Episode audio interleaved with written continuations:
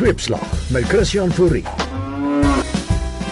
Hallo daar, spit jou ore want dit is tyd om weer die sweep te klap. Mama, ek is 'n baba. Mama, ek is 'n baba. In die politieke kleuterskole is daar baie klimrame waar wannabe politici leer om stelsels en mense te gebruik om hulle pad boontoe oop te trap. Onthou, enige jeugliga is die sandput waar die kinders politieke speletjies speel voordat hulle groot word. Dis daar waar jy leer om iemand se hare te trek, sand in sy mond of oë te gooi of op sy sandkasteel te spring.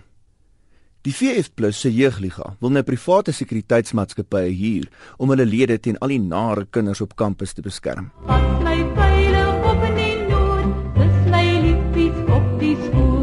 Die ANC jeugliga aan die ander kant het nou net hulle nuwe president verkies. Dis opvallend dat die nuutgekose jeugdige jeugliga president, Colin Maine, op 35 dubbel so oud is as die gemiddelde tiener. Dalk probeer die ouer generasie jeugliga leiers 'n bietjie van hulle eie apartheid bitterheid aan die born free generasie oordra vir die wis en die uitwis van landsvrede. Mama, ek is 'n jonkman. Mama, ek is 'n jonkman. Tel my nou maar af van die spoor. Ek slaan self die kerel voor. Gewoontes wat in die kleuterskool se sandput aangeleer is, word moeilik afgeleer.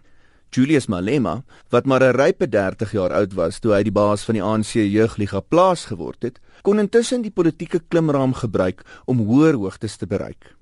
Maar al verlaat jy die jeugliga se sandput, verlaat die sandput jou nie. Juist daarom dat hy nou nog so lekker modder gooi. So you are not prepared to You withdraw. can take me to jail for that. Cyril has got blood of innocent Honorable people. Malema, thank you very much. Honorable that. I will never apologize to Cyril. Mama, almal babas. Mama, almal babas. Al die monsters jane brood. Almal babas tot voldoen. van die politieke klimraam na die koninklike klimraam. Koning Elisabeth het hierdie week 23226 dae bo-op die Britse troon gevier. Baie, baie geluk. Die queen het oor die jare baie dinge oorleef.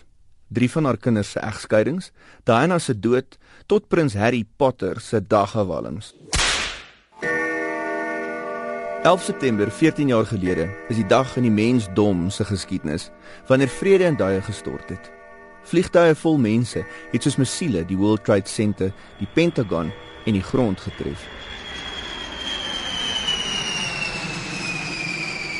Die gebeure van 14 jaar gelede het ook 'n duik in die siege van die Amerikaanse volk geslaan.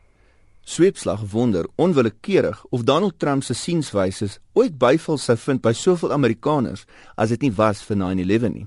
I'm in competition with them because they took the oil that when we left Iraq, I said we should have taken. So now ISIS has the oil. Baie bekende mense het ook 9/11 se doodsangel vrygespring deur of hulle vlugte te verpas of afsprake in die World Trade Center te mis. Die noodlot het mense soos Robert Redford, Gwyneth Paltrow, Rob Lowe, Mark Wahlberg, Patty Austin, Julia Childs, Sacha Baron Cohen en Sarah Ferguson se lewens gespaar. Selfs vreemder is dat 350 passasiers wat op die vier gedoemde vlugte bespreek was, hul vliegdatums geskuif het. Dis meer as die aantal mense wat uiteindelik in die vliegtye dood is. En terwyl ons vandag 9/11 onthou, sit 'n minuut stil en dink ook aan die Syriese seentjie wie se foto die week, soos die Twin Towers, wêreldgeskiedenis verander het. Voorspoed vir jou naweek.